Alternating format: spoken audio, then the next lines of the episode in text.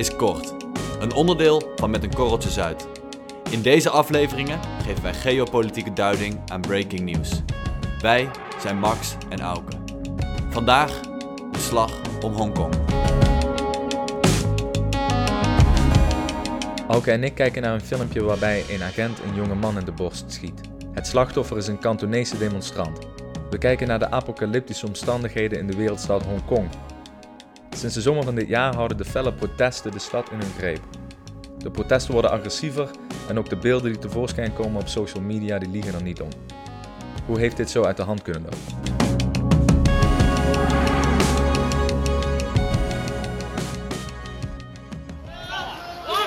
佢掹枪啊！枪！喂喂喂喂喂！喂喂喂喂喂喂！可唔可以开枪啊？ Auke, we hebben allebei, net zoals de meeste luisteraars denk ik, de eh, filmpjes voorbij zien komen op social media, op de NOS, nu.nl, eh, van hele bizarre omstandigheden in Hongkong. Ja, Gevechten op straat en die jonge man die werd, eh, die werd doodgeschoten. ja. Wat is hier aan de hand? Wat is, Hong- wat is de achtergrond van dit conflict? Om het huidige conflict te snappen, moeten we wel even terug in de tijd. Hongkong was een kolonie van de Britten. En in 1997 hebben de Britten dat weer afgestaan aan China. China heeft er toen het, het volgende op bedacht. We gaan Hongkong als volgt onderdelen. Dit wordt, eh, zo noemen ze dat, One Country, Two Systems. Dit houdt in dat Hongkong een veel grotere mate van zelfstandigheid heeft binnen China. Ze hebben dus een eigen eh, regering, een eigen parlement, eh, grenzen. Eh, ze hebben een open economie met de rest van de wereld. Ja, ze noemen het ook de Hong Kong Special Administrative Region of the People's Republic of China. Juist. Ja, dus zoals ik zei, veel grotere mate van zelfstandigheid, veel meer vrijheid ook voor die bevolking. Maar dit is tijdelijk tot eh, 2047. En wat er daarna precies gaat gebeuren, nou, dan houdt deze speciale status op. Maar ja, wat er daarna gaat gebeuren, dat eh, kunnen we nu nog niet zo goed voorspellen. Maar nu zijn daar ongeveer zes maanden geleden protesten uitgebroken.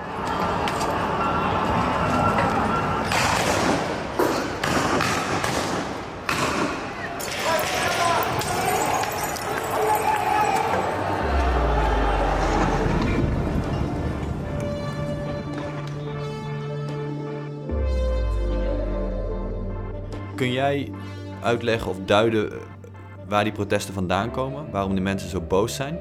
Nou, die boosheid van die mensen die heeft alles te maken met een uitleveringswet. Dus door een moord die gepleegd werd in Taiwan stonden de Hongkongse autoriteiten op het punt om een eh, uitleveringswet aan te nemen die het mogelijk maakt om eh, verdachten van zware misdrijven uit te leveren aan landen waar ze geen uitleveringsverdrag mee hebben. Eh, waaronder dus China. Mainland China. Juist. En het, het hele euvel, het hele punt met dat uitleveringsverdrag is dat mensen bang zijn dat één, China haar macht vergroot in Mhm. Hongkong. En dat eh, China daarmee de mogelijkheid krijgt om eh nepprocessen te beginnen tegen eh, mensen die niet op één lijn zitten met de Chinese overheid. Dus eigenlijk die Hongkongers zijn bang om naar China uitgeleverd te worden en om daar dan berecht te worden. Want ze zeggen, China dat is geen eerlijke en open rechtsstaat, Nee, dus daar wil ik niet naar uitgeleverd worden. En dit leidde dus tot protesten. Juist. Je moet je voorstellen, in Hongkong wonen eh, iets meer dan 7 miljoen mensen. En op 15 juni eh jongstleden kwamen daar 2 miljoen mensen bij elkaar om te protesteren tegen dit probleem. Dus het gaat hier wel over een... Ik bedoel, dan staat gewoon meer dan een kwart van je bevolking gewoon buiten op straat... om Ja. te laten weten dat ze het niet eens zijn met de gang van zaken. Dat gaat Ja. wel ergens over. Ja. Maar die protesten, zoals jij zegt, die zijn, eh, daar is niks vreedzaams meer aan. Hè? Dus al die beelden die we nu binnenkrijgen, dan, je, je ziet ge, ge- gemaskerde demonstranten Mhm. die in eh, ja, die molotov cocktails gooien naar de politie. De politie die vervolgens weer met, eh, met wapens, wapenstokken en dat soort zaken de boel helemaal kort en klein trapt. Ja. En wat nu heel erg is gebeurd, wat nu een beetje de status quo is, is dat de universiteiten als een soort bunkers op zijn gekomen. En je moet je natuurlijk voorstellen, Hongkong is een, ja, een hele moderne samenleving, Mhm. rijke stad, Ja, een van de duurste steden om te wonen ter wereld. Ja. Het is daar een ravage. ja, En ja, dat dreigt eh, toch wel een, een, een vrij pittig conflict te worden daar. Je ziet ook dat die demonstranten een soort nieuw tijdperk van demonstraties in zijn eh, gegaan of hebben Mhm. ingeluid. Eh, je ziet bijvoorbeeld dat ze veel werken met lasers, omdat Mhm. de Hongkongse politie veel camera's gebruikt om eh, gezichten te herkennen en zo mensen op te kunnen pakken. Ja. Ehm, Big Brother. Ja, juist. En zij, gaan- zij gaan daar dus als, eh, als wapen gaan ze met lasers daarin schijnen, zodat die camera's niet werken. Mhm. Daarnaast is een veel gezien beeld dat ze met paraplu's of met maskers staan, Mhm. zodat je ook hun gezicht niet kan zien. Alles om uit te voorkomen herkend te worden.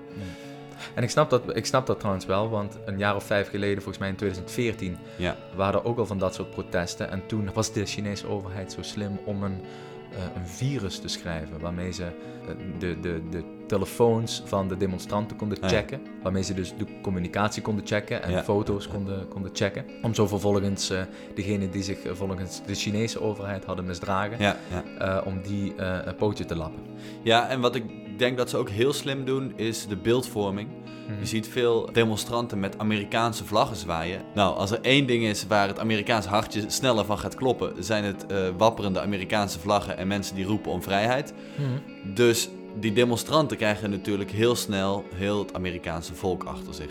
Dat doen ze heel slim, want dan wordt het een soort tweestrijd tussen het eh, democratische, vrije Amerika tegenover het eh, dictatoriale China. Juist. Dus qua beeldvorming pakken ze dat eh, heel goed aan. Mhm. Heb jij een idee van de hoeveelheid eh, doden die hierbij is gevallen? Of arrestanten? Ja, op dit moment zijn er ongeveer eh 4.500 mensen gearresteerd. 4.500 mensen. Ja, ja, ja. ja. ja dat is vrij veel. Mhm. En ongeveer, of nou ongeveer, op dit moment zijn er 11 doden gevallen. Ehm, maar wel vaak onder een soort verdachte omstandigheden. Van die 11 zijn er namelijk 9 geclassificeerd als zelfmoorden. En dat, daar, dit wordt wel sterk in twijfel gebracht door ja, de demonstranten, maar ook westerse media. Negen slachtoffers door zelfdoding. Ja. Maar die demonstranten die moeten ondertussen toch wel iets van een officiële eis hebben geformuleerd, hè? Ja, jij zat hier net met zo'n, met zo'n lijstje. Ja, ze hebben vijf punten. Allereerst natuurlijk eh, de, de intrekking van die uitleveringswet. Mhm. Eh, dat is ook daadwerkelijk gebeurd in september. Eerst al had eh, de regeringsleider Carrie Lam de wet uitgesteld voor onbepaalde tijd. Vonden ze niet goed genoeg, doorgaan met demonstreren. Ze heeft dat toen in september helemaal teruggetrokken.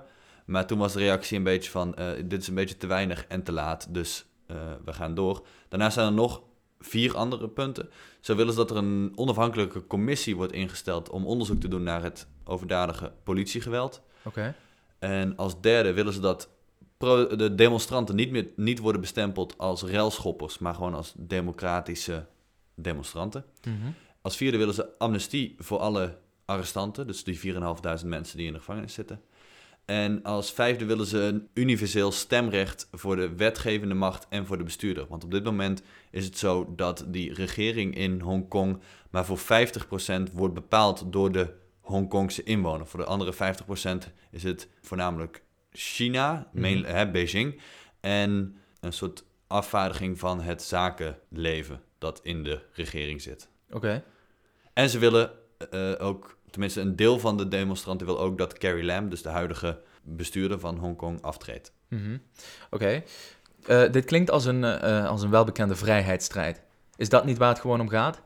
Ja, ik denk niet dat de Hongkongers met ledenogen willen aanzien dat ze in 2047 worden overhandigd aan eh, de Chinese overheid. Ja, En dat ze een beetje grip op de, op de zaak eh, verliezen. ja, Misschien valt het nog het beste te duiden door de vergelijking te maken met de Catalanen.